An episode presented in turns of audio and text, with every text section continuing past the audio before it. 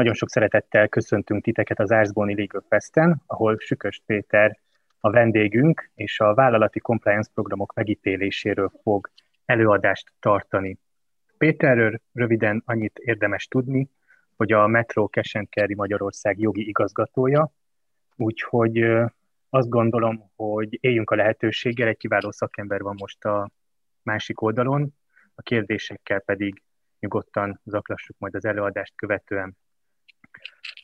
Lehetőségetek lesz kérdezni, használjátok majd a chatet kérlek, vagy a Q&A funkciót, alul találjátok meg, illetve a beszélgetést követően szeretném felhívni a figyelmeteket, hogy lesz egy villámrandi, ahol most a munkáltatók jönnek el hozzátok, és tudtok velük beszélgetni. Három órától, illetve a jogi osztályok szerepe a felelősségi kérdések kezelésében című előadás is 15 órától kezdődik. Péter, nagyon szépen köszönjük a megtiszteltetést, hogy itt vagy velünk, és szeretnélek megkérni, hogy tartsd meg az előadásodat. Köszönöm mindenkinek, mindenket, köszönöm a, a meghívást Patrik, meg az Árzbaninak is köszönöm, hogy, hogy gondoltatok rám. Remélem, hogy érdekesnek fogja mindenki tartani az előadást, és előjáróban elmondanám, hogy ha valaki különös tekintettel érdeklődik a versenyjogi megfelelési programok és megfelelési programok iránt, akkor a Pázmányon fut egy, egy mesterképzésünk, ahol szintén lehet jelentkezni, jövőre most már csak, mert már elindult az idejében. Úgyhogy akkor el is kezdeném. Még annyit bemutatkozásként, hogy mielőtt a metróhoz csatlakoztam, én tíz évig a versenyhivatalnál voltam, az antitrust irodát vezettem a végén, majd Brüsszel bizottságnál, versenyfőigazgatóságnál, majd az OECD-nél, a versenydivíziónál, majd a British American Tobacco vezető, jogi vezetője voltam, és onnan jöttem a metróhoz. Úgyhogy előjáróban ennyit. A, a metrós megfelelési program 2018-ban elnyerte a, az év jogásza compliance kategóriában díjat, amire nagyon büszke vagyok. Úgyhogy remélem, hogy hasznosak lesznek a tapasztalatok, amiket megosztok, és bármilyen kérdés van, akkor a chat falon keresztül kíváncsian várom azokat. Akkor most megpróbálom megosztani a, a diáimat. Share screen, másod. És hogyha esetleg nem látszanának a diák, akkor kérem, hogy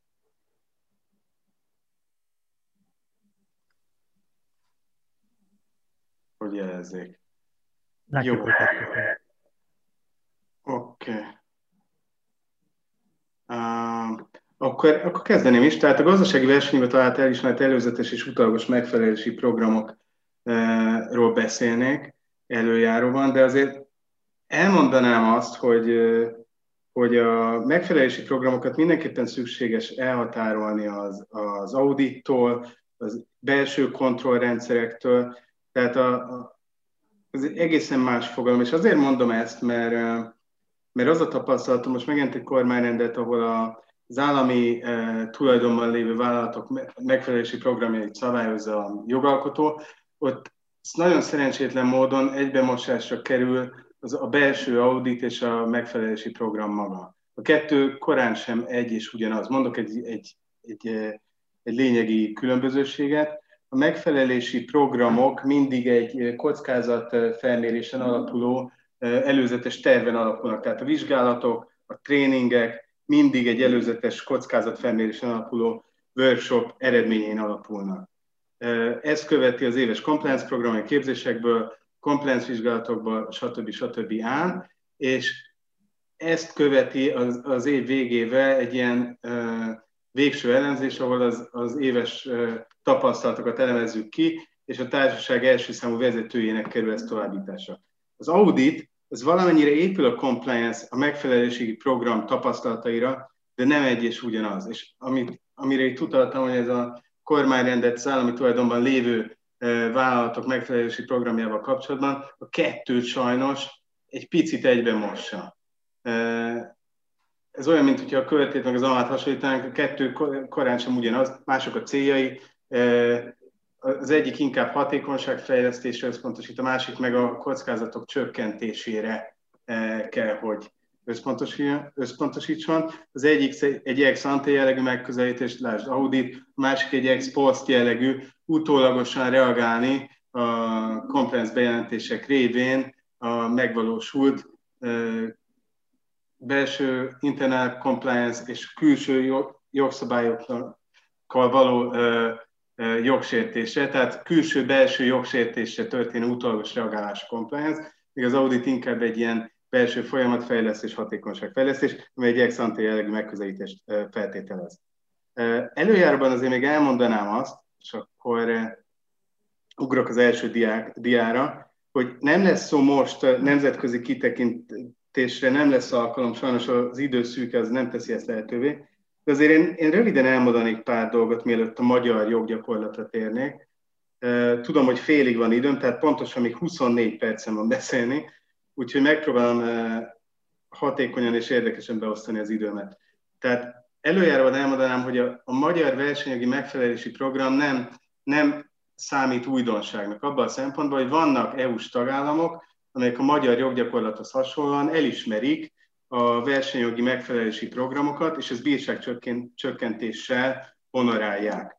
E, a legközelebb talán a, a magyar szisztémához, hogyha a formális e, kritériumokat nézzük, a megfelelési program formális kritériumokat e, nézzük, akkor az új-zélandi modell áll, viszont hogyha a tartalmi megfelelőség és a tartalmi megfelelőség és a, a tartalmi elemek elismeréséről beszélünk, akkor meg sokkal közelebb áll a magyar rendszer az olasz megközelítéshez, amely ugye attól függően, hogy ez leniency tehát engedékenységgel, vagy pedig ö, ö, egyességgel, vagy pedig ö, egyéb, egyéb elemekkel tár, párs, párosul, 15, illetve 5%-os bírságcsökkentést garantál egy megfelelési, versenyi megfelelési programhoz. Magyarországon ezt majd látni fogják, egészen másképp alakul, és van még egy, uh, még egy elem, amit megemlítenék, uh, ami nagyon fontos, uh, hogy, és ez egy újfajta elem, ami az Egyesült Államok joggyakorlatában tetten érhető, hogy a megfe- versenyjogi megfelelési programokat csak akkor ismeri el a jogalkalmazó, legyen itt szó mondjuk a Department of Justice-ről, hogyha a vállalat amellett, hogy, hogy ugye alkalmaz egy ilyen megfelelési programot, ami kiszűri a versenyjogi jogsértéseket, beazonosítja, hogy mely munkavállalói követték el e, a vállalat nevében ezeket a jogsértéseket. Most ez a dolog, ez abba, ugye az Egyesült Államok e, újfajta joggyakorlat, ez a Yates Memo 2015-ös fejleménye egyébként, e, hogyha valaki utána akar nézni, és ezzel kiegészítette a az úgynevezett Philip tényezőket, ami, ami a versenyjogi és egyéb megfelelési programok követelményrendszerét szabályozza. Tehát ez egy 2015-ös emlékeztetőn alapul. És ami nagyon érdekes, hogy, hogy Magyarországon még nem látok arra utaló jegyeket, hogy a versenyhivatal elvárná azt egy vállalattól, hogy amellett, hogy beismeri a jogsértést, vagy pedig versenyi megfelelési programot alkalmaz, és esetleg kiszűr versenyjogi jogsértésekre, egy versenyjogi megfelelési program alkalmazásának eredményeképp.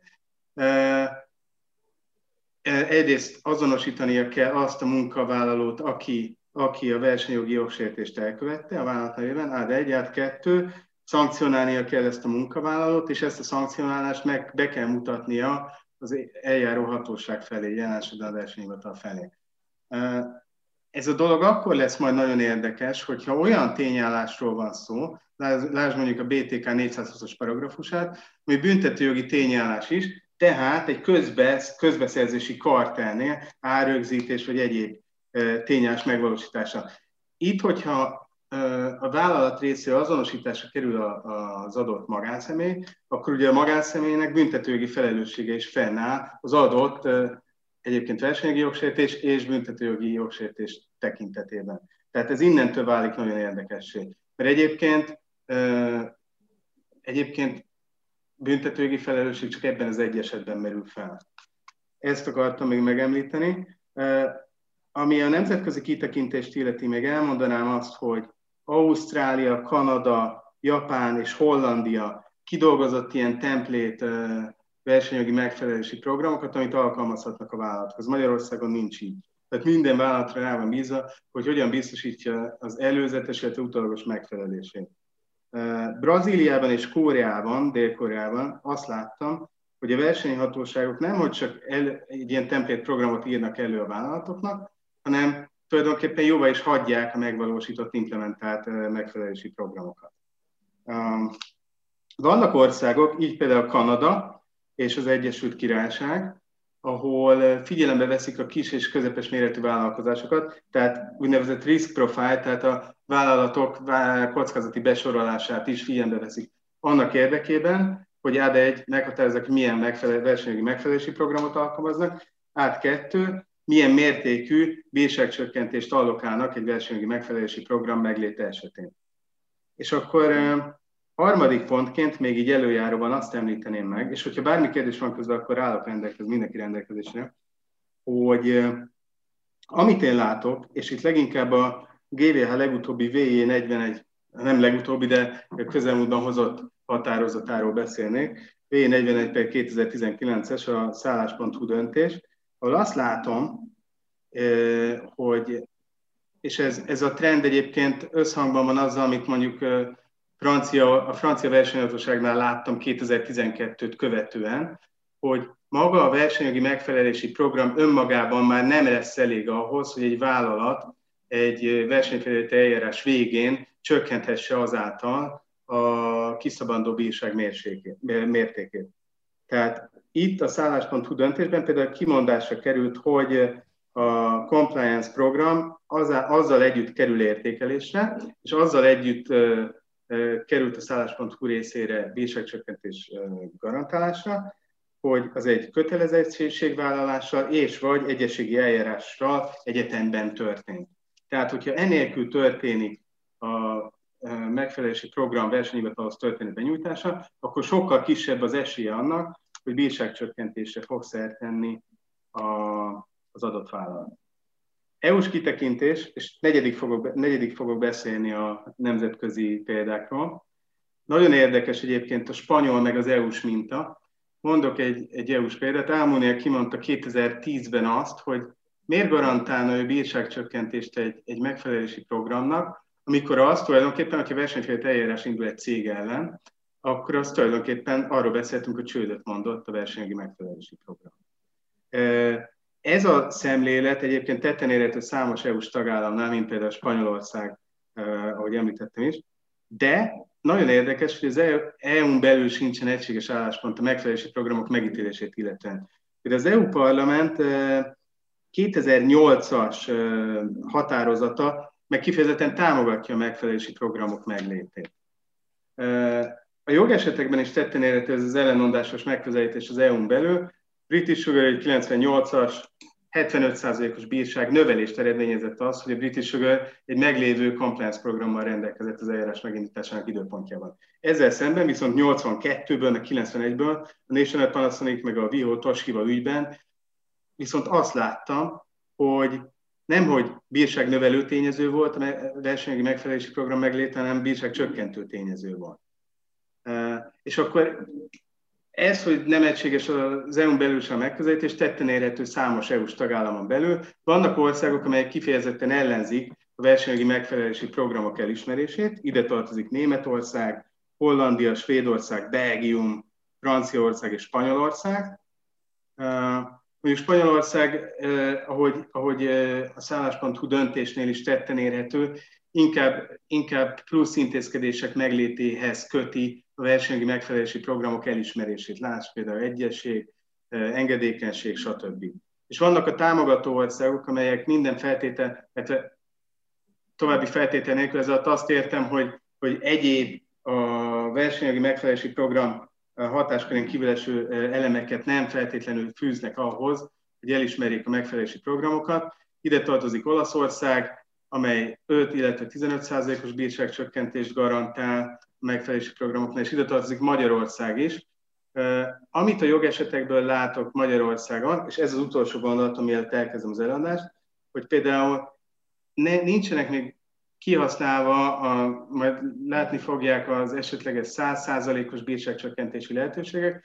Amit én látok például a Silverwood döntésben VJ19 per 2017-es ügy, 5%-os bírságcsökkentés, online pénztárgépes ügy VE10 per 2015-ös nulla volt a bírságcsökkentés mértéke, V43 per 2015 az Energizer és társai, egy antitrust ügy, 2%-os volt a bírságcsökkentés mértéke, és csak az utólagos megfelelési programot ismerte a versenyhivatal. És akkor itt az idő, rátérjek most arra, hogy mely programokat tekint a versenyhivatal előzetes, utólagos megfelelési programoknak, mik ennek a feltételei, és milyen bírságcsökkentést eredményezhet ez.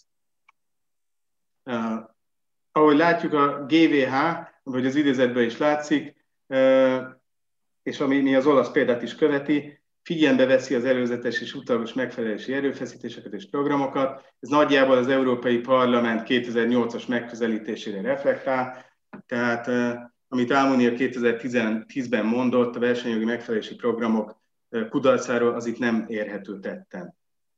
És a GVA ahhoz, hogy elismerjen egy megfelelési programot, versenyjogi megfelelési programot, formális követelményeket határozott meg.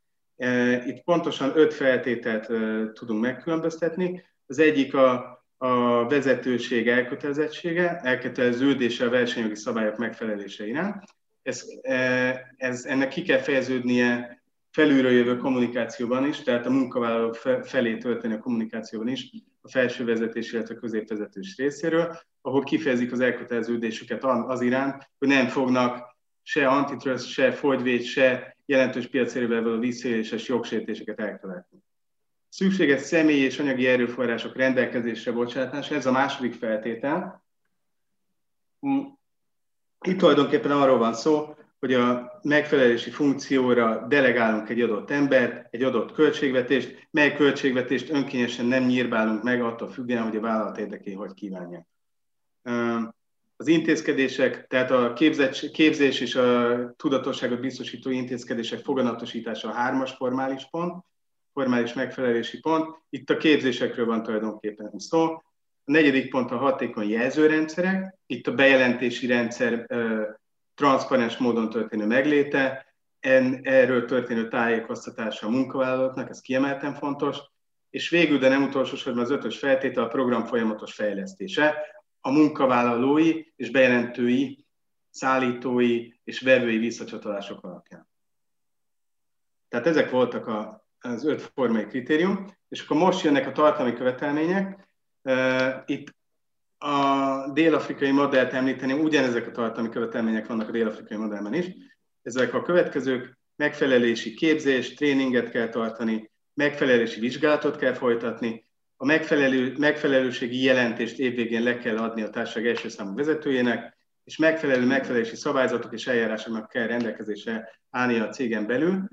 Az utóbbi alatt, tehát a négyes feltétel alatt azt értjük, hogy nem csak, hogy meg kell, hogy legyenek a tréningek, egy csomó cég félreértelmezi a compliance programok meglétét. Úgy értelmezik, hogy ha van nekem egy jó hajnali rajtaütéses szabályzatom, meg egy versenyjogi tréningem, akkor tulajdonképpen a versenyjogi megfelelési programmal készen is vagyok.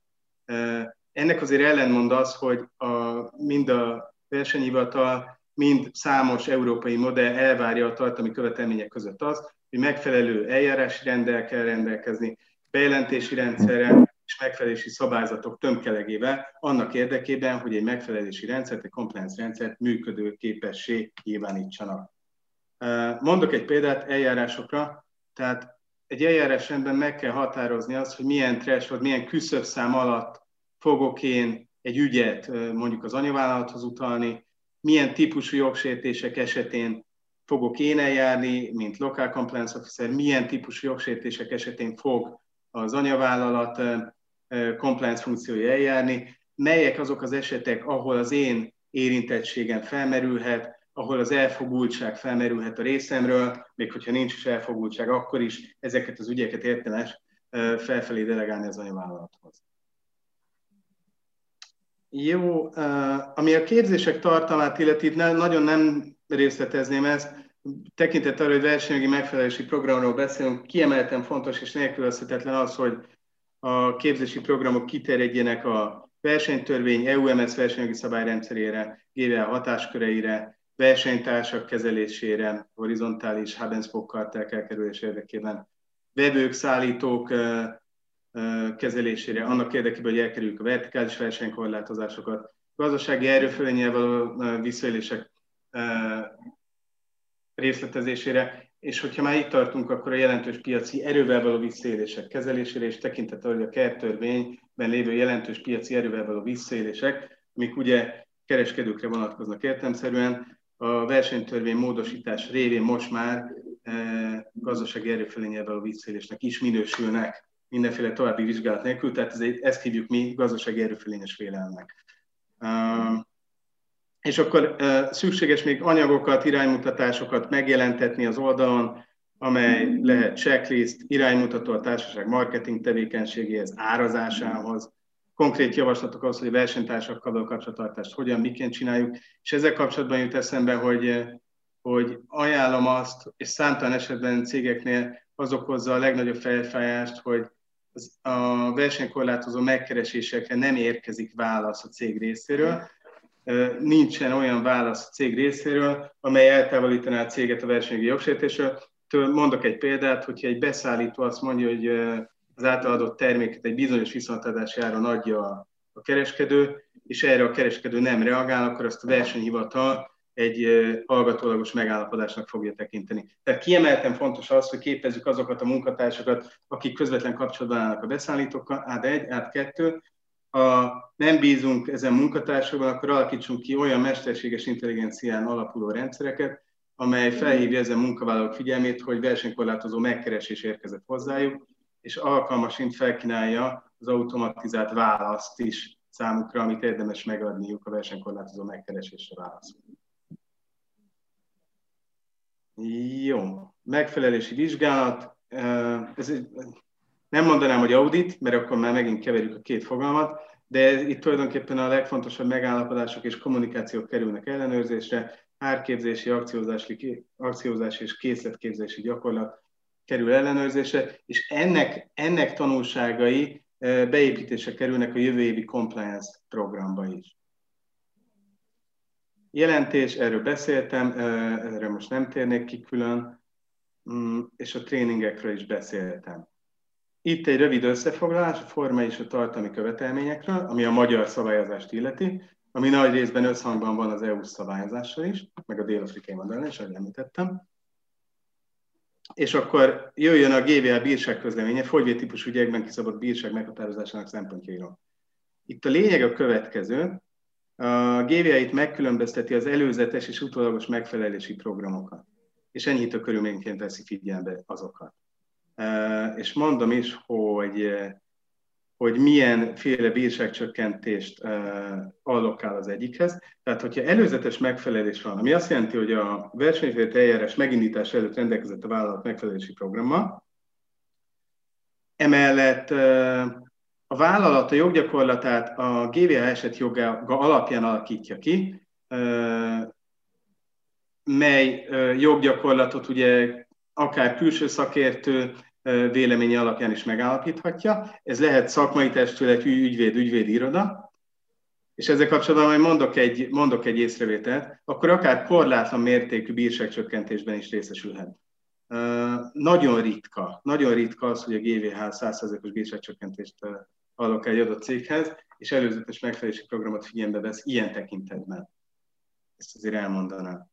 Ez fogyvédügyekben van csak előzetes megfelelési programnál, hogy 100%-os bírságcsökkentést garantál a verseny. Garantálhat bizonyos feltételek fennállás esetén, amit az imént részleteztem, a megfelelési programokhoz. És akkor az utolagos megfelelési programokhoz, amely ugye a versenyfélete eljárás megindítását követő időponttól alkalmazandó, sokkal kisebb mértékű bírságcsökkentést rendel a gazdasági versenyhivatal, ennek mértéke már csak 5 és vagy 20 százalék maximum, de a 20 százalékot csak abban az esetben lehet elérni, hogyha az tevőleges jóvátétel vagy beismerésre együtt a, kerül alkalmazásra. Tehát um, itt, itt a GVH azzal érve egyébként, ami, amit el tudok fogadni, hogy az utólagos megfelelési programoknál az eljárás eredményessége ez már nem tudnak érdemben hozzájárulni ezek a programok. Tehát a jogsértés feltárásához fűződő érdek itt már nincsen meg. És akkor az antitrust ügyeknél ott, ott előrebocsátásban sokkal kisebb bírságcsökkentést garantál a versenyhivatal, és sokkal több feltételtől teszi függővé a megfelelési programok elismerését. Tehát itt a vállalkozásnak bizonyítania kell a megfelelő compliance erőfeszítéseit, fel kell hagyni a jogsértő magatartással, objektíves hiteles bizonyítékokkal alá kell támasztani a jogsértés abbahagyására a vállalkozás által önként működtetett számára a GV által egy korábbi eljárásban előtt megfelelési programnak köszönhetően került sor, és hogy abban magasrangú vállalati vezetők nem vettek részt. És nem tudom, hogy emlékeznek arra, az elején említettem a, a Jéz memót, hogyha már ott tartunk, hogy, hogy kik vettek részt a jogsértésben, mint feltétel, akkor valamilyen szinten visszaköszön itt a 2015-ös uh, amerikai Yates Memo megállapítása, miszerint nekem be kell azonosítanom azokat az egyéneket, akik a jogsértésben részt vettek. Miért kell beazonosítanom? Mert ennek ez alapján tudom én beazonosítani azt, hogy a jogsértésben magas rangú vállalati vezetők nem vettek részt. Úgyhogy ez egy nagyon érdekes trend.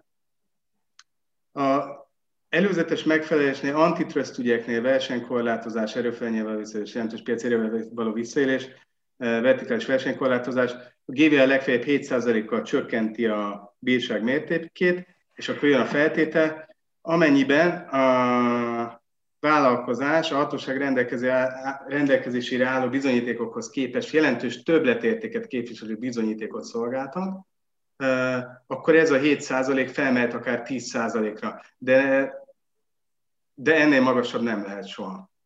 Úgyhogy ez a, ez a felső határa egy antitrust ügyben a versenyi utólagos megfeleléshez fűzött, előzetes megfeleléshez, bocsánat, előzetes megfeleléshez fűzött bírságcsökkentésnek.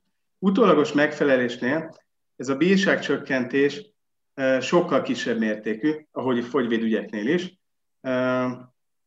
tekintettel arra, hogy itt csak a jövőre vonatkozóan segíthetik elő ezek a megfelelési programok a jogkövető magatartást, ezzel élő a versenyhivatal, és itt maximum 5%-os mértékű bírságcsökkentéssel honorálja a versenyhivatal ezeket a megfelelési programokat, amennyiben arra engedékenységi politikában, egyességi eljárásban való részvétel együtt, és vagy tevőleges jóvátétel tanúsításával párhuzamosan kerül sor. Jó. Itt egy rövid összefoglaló a bírságcsökkentés mértékéről, antitrust ügyekben alkalmazott bírságcsökkentés mértékéről, megfelelési program fennállása esetén. És pont fél van, úgyhogy át is adnám a szót a résztvevőknek, hogyha bármilyen kérdés, észrevétel lenne, akkor állok bárki rendelkezésére. Nagyon szépen köszönjük az előadást, és így van, résztvevők felé fordulok, hogyha van esetleg kérdésük az előadóhoz, akkor most nyugodtan fel tudják tenni.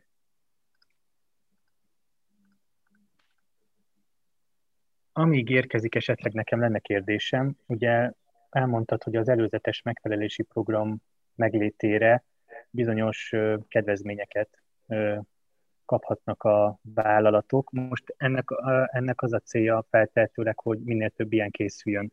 A kérdés az az, hogy mennyire működik ez jól Magyarországon. Tehát gondolok itt arra, hogy ugye megjelent a vállalati compliance szakjogászi képzés is, tavaly indult, hogy ez valószínűleg egy hiánypótló képzés, sőt minden bizonyal, csak azért kellett elindítani, mert ebben az ilyen szakemberekben feltehetőleg hiány van.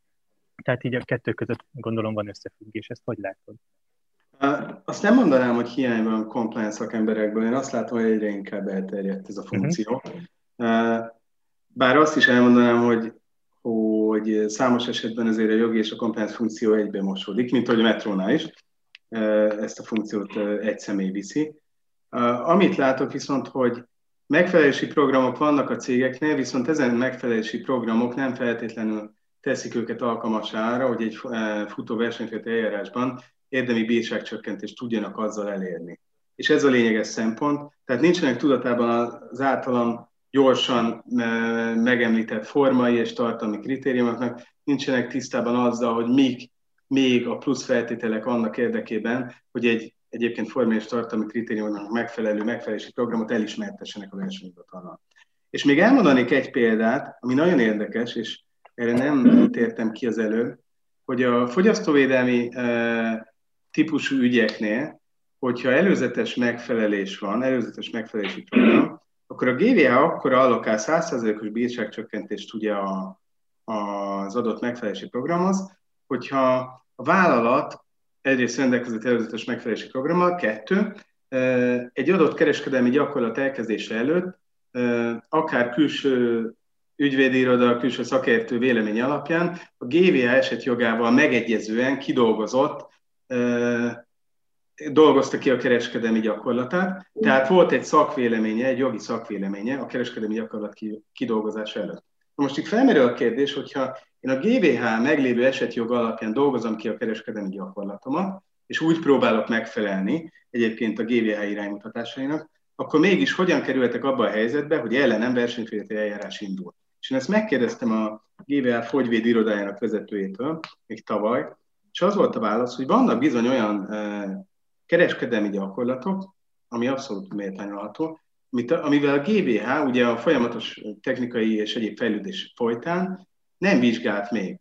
Úgyhogy az ilyen tovább gondolt kereskedelmi gyakorlatokra értem szerint nem fog tudni kiterjedni a GVA esetjoga. Itt a vállalat annyit tett, hogy a meglévő és az ő kereskedelmi gyakorlatához a leginkább hasonlító kereskedelmi gyakorlatra mondott GVH-s mondásokat veszi alapul, és hogyha új elemet tartalmaz, ami esetleg jogsértő, akkor abban indult versenyfélet eljárás, de a GVL figyelembe fogja venni, hogy a legjobb tudása szerint próbált megfelelni a GVL elvárásnak.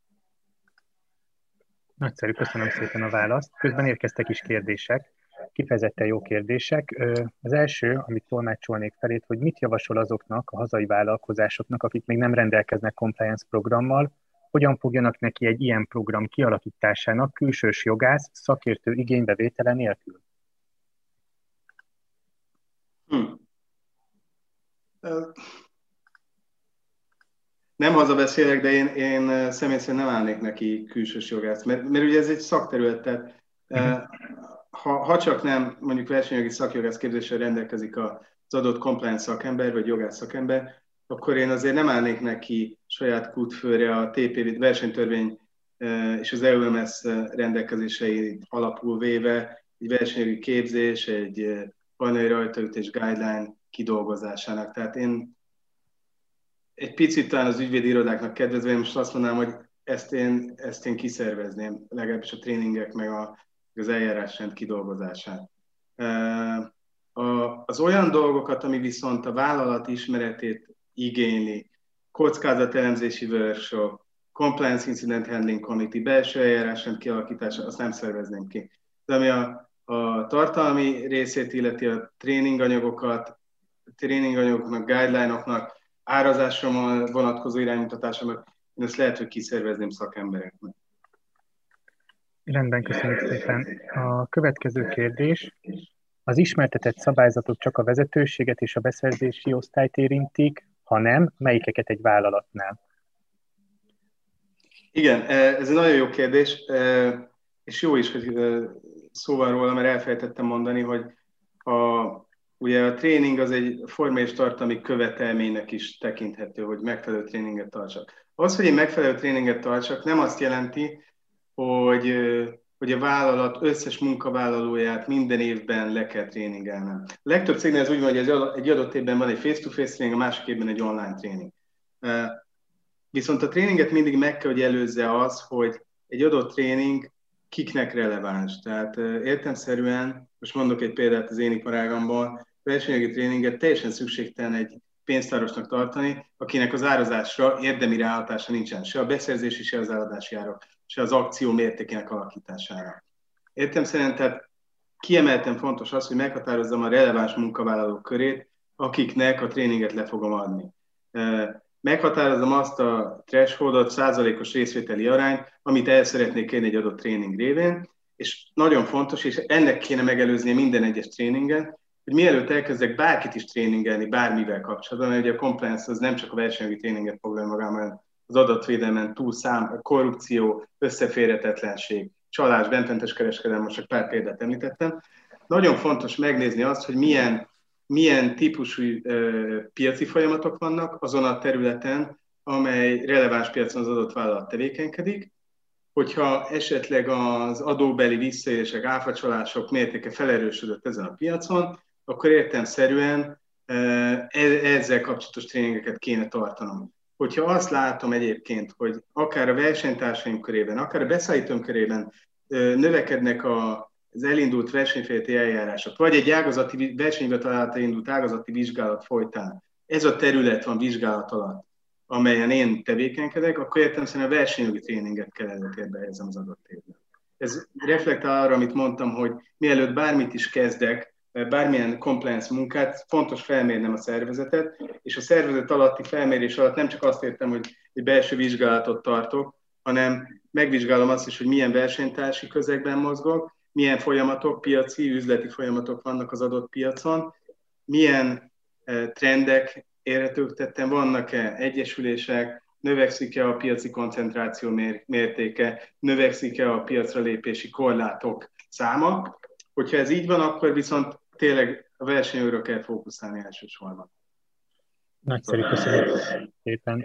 A következő két kérdésre szerintem már részben választ kaptunk, de azért felteszem, hogy aki szeretnéd egészíteni. Az egyik ilyen kérdés, hogy milyen egy jól felépített megfelelési program. Erről, erről már beszéltem, tehát ahhoz, hogy egy megfelelési program jól felépített legyen, a, a tréninganyagokon túl és az egy, egyéb iránymutatásokon túl kell, hogy legyenek Tom from the top kommunikációs anyagok, tehát a felső vezetőktől származó kommunikációs anyagok, a középvezetőktől származó kommunikációs anyagok, mint egy ilyen, mi úgy hívjuk, hogy zuhatag, vagy ilyen vízesés jellegű kommunikáció, tehát a legfelsőbb szintől megy lefele. Tehát ezeknek a kommunikációs anyagoknak meg kell lennie, annak érdekében, hogy formális megfelelést igazolni tudjam a versenyhivatal felé, ez a felső és középvezetők elköteleződését is mutat, mutató tényező. Nagyon fontos, hogy a tréninganyagok update legyenek, tehát hogyha új eset jobb van, mint például itt, ahogy említettem is, amit látok a francia példán, meg a szálláspontú döntés alapján, hogy a versenyi megfelelési programok már önmagukban nem feltétlenül egy alkalmasak arra, hogy bírságcsökkentést érjek el azáltal. Tehát, hogyha ilyen, ilyen irányokat látok, akkor érdemes, érdemes ezeket beépíteni a tréninganyagokba, hogy azt is, hogy az egyéni felelősség kérdése felmerülhet bizonyos esetjog alapján, és bizonyos nemzetközi joggyakorlat alapján. E, tehát ezekre érdemes kitérni, folyamatosan fejleszteni kell a programot, eljárásrendnek meg kell lennie, küszöbszámoknak, ügytípusoknak e, meg kell határozva lennie, hogy milyen e, típusú ügyeket kivizsgál, meg kell határoznom azt az eljárásrenden belül, hogy a compliance bejelentéseket hány napon belül vizsgálom ki, ki vizsgálja ki, általában a biztonsági osztály, belső audit, jog, compliance és a HR funkció szokott érintett lenni a compliance bejelentések kivizsgálásában. Ki készíti a compliance jelentést, kinek adja le, kik a munkáltatói jog, jogkörrel bíró személyek a vállalaton belül. Ez kiemelten fontos egyébként, hogy a compliance jogsértésnél ugye nagyon fontos a jogsértő szankcionálása szankcionálni, meg a munkáltató jogköre bíró fog tudni, akár egy írásbeli, egy szóbeli figyelmeztetés, vagy pedig alkalmasint a munkaviszony megszüntetése révén. Hogyha ilyenre van szükség, akkor viszont kiemelten fontos ugye az MT alapján az, hogy a munkáltatói tudományszerzéstől számított 15 napon belül történjen valami. Most elárulok egy titkot nálunk az, az eljárásrend, hogy, egy, hogy a compliance jelentés munkáltatónak történő elküldésén be, elküldését követő 8 napon belül a munkáltatónak reagálnia kell, hogy milyen munkajogi jogkövetkezményt fog alkalmazni a compliance ügy eredményeképp. Nagyon érdekes, és ez még egy kitekintés, ez az utolsó mondatom, hogy számos esetben mentünk bíróságra azzal kapcsolatban, hogy egyes munkavállalók azt kifogásolták, hogy a munkáltatói tudomásszerzés időpontja az nem a, a compliance jelentés leadásának időpontja, munkáltatónak történő leadásának időpontja, hanem a compliance bejelentés megtételnek időpontja. Bírósági döntésünk van arra vonatkozóan, hogy nekünk volt igazunk egyébként, hogy a compliance jelentés munkáltató részéről történő továbbítása számít a munkáltatói tudományszerzés időpontjának. Tehát onnantól számítódik, datálódik a 15 napos határidő. Nagyszerű, köszönjük szépen. A következő kérdés, hogy van-e olyan eset, hogy egy bírság olcsóbb lenne, mint egy compliance programnak a kidolgozása? Nem hiszem. Nézzük meg, hogy hogyan alakulnak a bírságok már fogyvédügyekben is a versenyhivatal. Milliárdos tételekről beszélünk, mhm. úgyhogy nem hiszem. Ugye a, a bírság elméleti maximum az ez évi árbevétel 10%-a. Nem láttam még arra a 10 éves joggyakorlatom, vagy 10 éves GVS gyakorlatom alapján példát, hogy ez a, ez a 10%-os mérték kimaxolásra került volna, de arra viszont láttam példát, hogy hogy írdatlan mértékű, és most a közelmúltban akár milliárdos mértékű fogyvédbírságok is kiszabásra kerülnek. Úgyhogy én ennek függvényében nem gondolom azt, hogy nem érné meg egy megfelelési programot kiépíteni. Rendben, köszönjük. A következő kérdés, hogy mennyire ajánlja egy kezdőjogásznak ezt a területet? Rögtön diploma után lehet-e szakosodni, ugye erről már mm, volt szó, vagy pedig jobban jár az illető, ha előtte szerez tapasztalatot, és utána végzi el ezt a mm, szakjogászképzést, és kezd el ezen a területen tevékenykedni? Én azt mondanám, hogy kezdje el rögtön a diploma megszerzését követően a specializációt erre a területre, mert az, az a trend, hogy, hogy ahogy az adatvédelem is, korábban egyben mosták a jogi funkcióval, egyre inkább önálló területé válik a compliance. Mely funkció elvégzésének feltétele ugyanakkor az, hogy a, az érintett munkavállaló bírjon elő tudomással a compliance-ről magáról, és ne keveri az alapfogalmakat, mint ahogy említettem, és az internal control, audit, külső-belső compliance, ezek a fogalmak legyenek tisztában a fejben, ahogy az is, hogy miből kell állni egy compliance rendszernek, és nem csak a versenyi compliance értem ez a Rendben, köszönjük szépen. A következő kérdés, mennyire számít bevett gyakorlatnak a mesterséges intelligencia említett jellegű alkalmazása a nagyvállalatoknál, és ehhez hogyan viszonyul a GVH? Egyáltalán nem minősül bevett gyakorlatnak, ez csak egy példa volt. Én azt gondolom, hogy és ez, ez, ez az én személyes véleményem, tehát nem a GVH álláspontját tükrözi, ezt elmondanám, hogy amennyiben egy mesterséges intelligencia felhívja a munkavállalók figyelmét arra, hogy egy versenykorlátozásra okot adó körülmény vagy e-mail érkezett hozzájuk, akkor az bizonyítja a vállalat törekvését arra, hogy megpróbál egy megfelelési program keretében különböző technikai eszközökkel, az mesterséges intelligencia megpróbálja elkerülni a versenyjogi jogsértéseket. Én azt gondolnám, hogy ez így egy enyhítő körülmény lenne egy eljárásban, de mondom, erre még nem láttam példát konkrét eljárásban. Viszont azért azt elmondanám, hogy súlyosbító körülmény is lehet, hogyha a rendszer felhívja a munkavállaló figyelmét arra, hogy egy versenykorlátozó körülmény érkezett be a mailboxába, vagy versenykorlátozó felhívás, tudatában van a munkavállaló ennek, alkalmasint még a vezetőjét is tájékoztatja erről, és ennek ellenére nem történik meg a válaszadás ezekre a versenykorlátozó megkeresésekre, akkor viszont egy ilyen mesterséges intelligencia megléte, tekintettel hogy az bizonyítható, hogy ez felhívta a figyelmét a munkavállalónak arra, hogy versenykorlátozó megkeresés érkezett hozzá, amit szándékosan figyelmen kívül hagyott a munkavállaló, ez akár súlyosbító körülmény is lehet ebben az esetben. De mondom, ez csak az én, én okfejtésem alapján. Rendben, köszönjük szépen. Talán erre még tud gyorsan válaszolni, hogy szépen lezárjuk a kérdésekre a válaszadásokat, hogy milyen új compliance problémákat okozhat a pandémia helyzet. Nem veti fel egy ilyen viszmajor helyzet Almónia gondolatának hibás mi voltát? Gondol itt arra a kérdező, hogy nem várható el a tökéletes megfelelés a vállalatoktól minden esetben, illetve találkoztál-e már olyan compliance programmal, ami blokklánc technológiát alkalmazott? Ö, nem. Ö, az utóbbi kérdésre válaszom, még nem találkoztam ilyen megfelelési programmal. Ami azt a kérdést illeti, hogy a COVID-19-es pandémiás helyzet ö, ö, alapján engedékenyebb lesz a GVH. Én úgy látom perpent, hogy nem. Tehát nem látok érdemi változást a GVH megközelítését, illetően pandémiás helyzet alapján. Sőt, vannak bizonyos esetek, ahol a pandémia okán a fogyasztók még kiszolgáltatottabbak, mint eddig. Lásd például bizonyos termékek piacát, mint a maszk piac most már annyira nem, de azért az volt a pandémiás helyzet kialakulása kezdetén.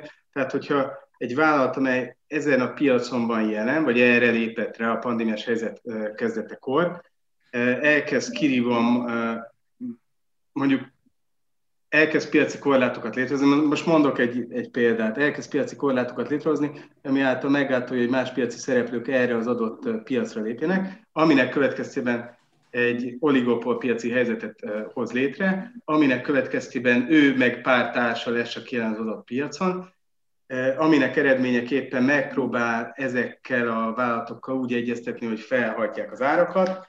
Ez azt gondolom, hogy még hangsúlyozottabban kerülne a jelenlegi helyzetben figyelembevételre, mint egy adott helyzetben. Egyébként is hátkor korlátozásról beszélünk, de azt gondolom, hogy a pandémiás helyzet alapján a bírság mértéke tekintettel a kiszolgáltatott fogyasztói körre még erőteljesebb lenne, mint egyéb helyzetben. Nagyon szépen köszönjük a válaszokat. Még egy utolsó kérdés maradt, hogy a diákat valamilyen formában a résztvevők megkaphatják esetleg? Persze, persze, minden további nélkül. Nagyszerű, köszönjük. Rendelkezésetekre áll, ugye? Ugye nem kell még egyszer elküldenem. Szerintem igen. Okay. Szerintem rendben lesz. Még utána járunk, de akkor a résztvevők megkaphatják természetesen. Persze. Nagyon szépen köszönjük. A figyelmet, remélem, hogy hasznosnak. Csükös Péter volt a vendégünk, köszönjük szépen a kérdéseket, és még jobban köszönjük szépen a válaszokat is. A, köszönjük, hogy el, itt voltatok velünk. A következő előadások linkjét megtaláljátok a chatben, a kollégánk rögtön közzé fogja tenni.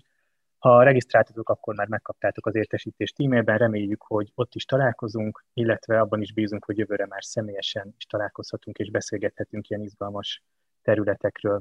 Köszönjük szépen, Péter, hogy itt voltál velünk, és a kedves résztvevőknek is, hogy itt voltak. Legyen szép Köszönöm napotok! Szépen. Sziasztok! Thank you.